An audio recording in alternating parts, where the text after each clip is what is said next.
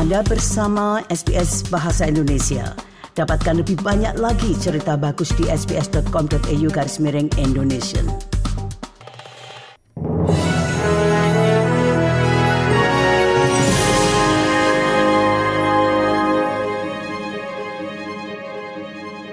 Berita selengkapnya.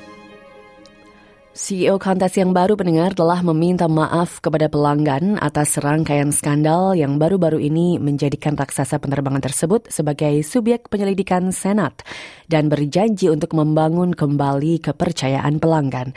CEO Qantas, Vanessa Hudson, mengambil alih kepemimpinan bulan ini saat maskapai tersebut masih terjebak dalam penyelidikan yang sedang berlangsung terkait keputusan untuk memblokir tawaran Qatar Airways untuk melakukan penerbangan tambahan ke Australia.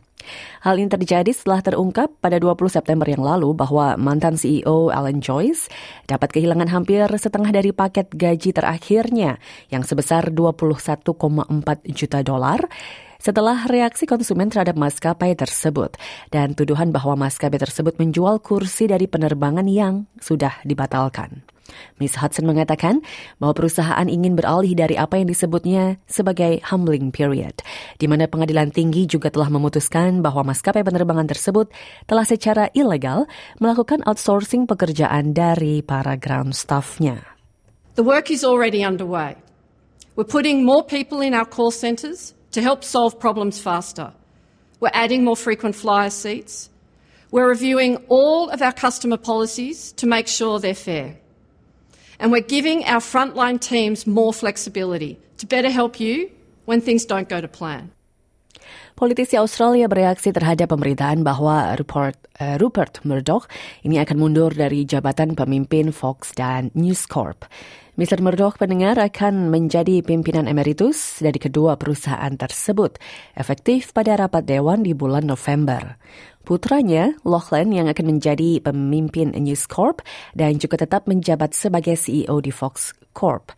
Menteri Komunikasi Michelle Rowland mengatakan kepada Sky News bahwa pensiunnya Mr. Murdoch merupakan hal yang luar biasa. Namun wajar mengingat lamanya ia berkarir di industri ini. This is uh, a process that would have been thought about, I think, for some time. Uh, congratulate uh, Mr. Murdoch for his many years uh, in the sector. Of course, he is a major global player, um, not only in Australia but throughout the world. And also congratulate Mr. Lachlan Murdoch on his elevation and wish them both all the best for the future. Bendahara Jim Chalmers telah mengumumkan surplus sebesar 22,1 miliar dolar, namun mengatakan surplus ini diperkirakan tidak akan bertahan lama. Surplus yang dicatatkan pada tahun anggaran 2022-2023 ini pendengar merupakan pertama kalinya dalam 15 tahun terakhir pemerintah memperoleh lebih banyak pendapatan dibandingkan pengeluaran. Peningkatan ini disebabkan oleh pendapatan yang berasal dari komoditas serta pajak tambahan yang dipungut dari warga yang berada di pasar kerja yang kuat. Mr. Chalmers mengatakan surplus ini diperkirakan hanya bersifat sementara. We're still anticipating uh, a deficit uh, this year uh, and in the years after uh, in the budget. Uh, if obviously there is lots that can happen between now and when we hand down the budget next May.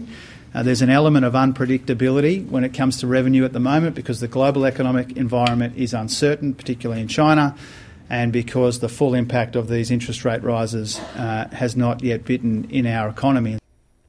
Pemerintah federal telah mengungkapkan bahwa Premier negara bagian dapat memilih untuk memimpin penyelidikan mengenai tanggapan Australia atas pandemi COVID-19. Bendahara Jim Chalmers juga membela keputusan pemerintahnya untuk melakukan penyelidikan selama 12 bulan, namun bukan untuk Komisi Royal. Badan ini tidak akan menyelidiki keputusan negara bagian dan teritori yang berarti banyak aspek kontroversial dari pandemi termasuk seperti lockdown, penutupan sekolah, dan kewajiban pengenaan masker yang tidak akan menjadi sorotan. Wakil pemimpin oposisi Susan Lee mengatakan kepada Channel 7 bahwa Perdana Menteri melindungi para pemimpin negara bagian. This is Anthony Albanese's COVID cop-out and I live on the border between New South Wales and Victoria. And for everyone today who absolutely knows this inquiry needs to go ahead. I want them to know that we're in your corner.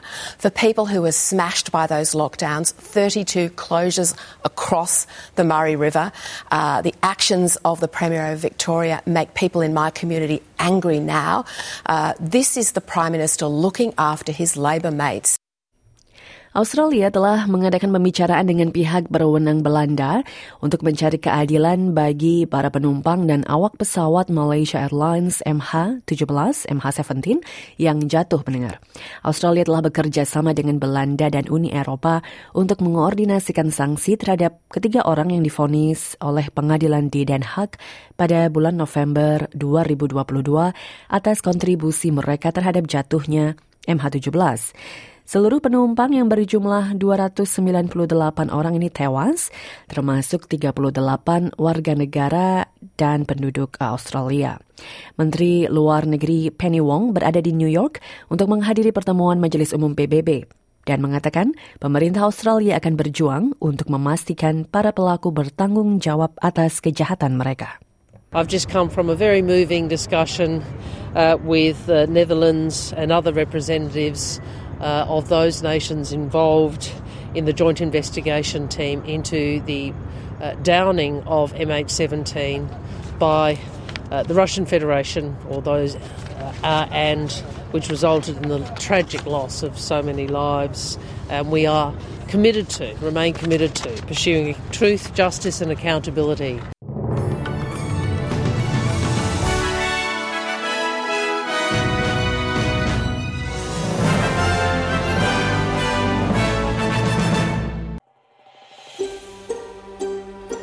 Sukai, berbagi, komentar.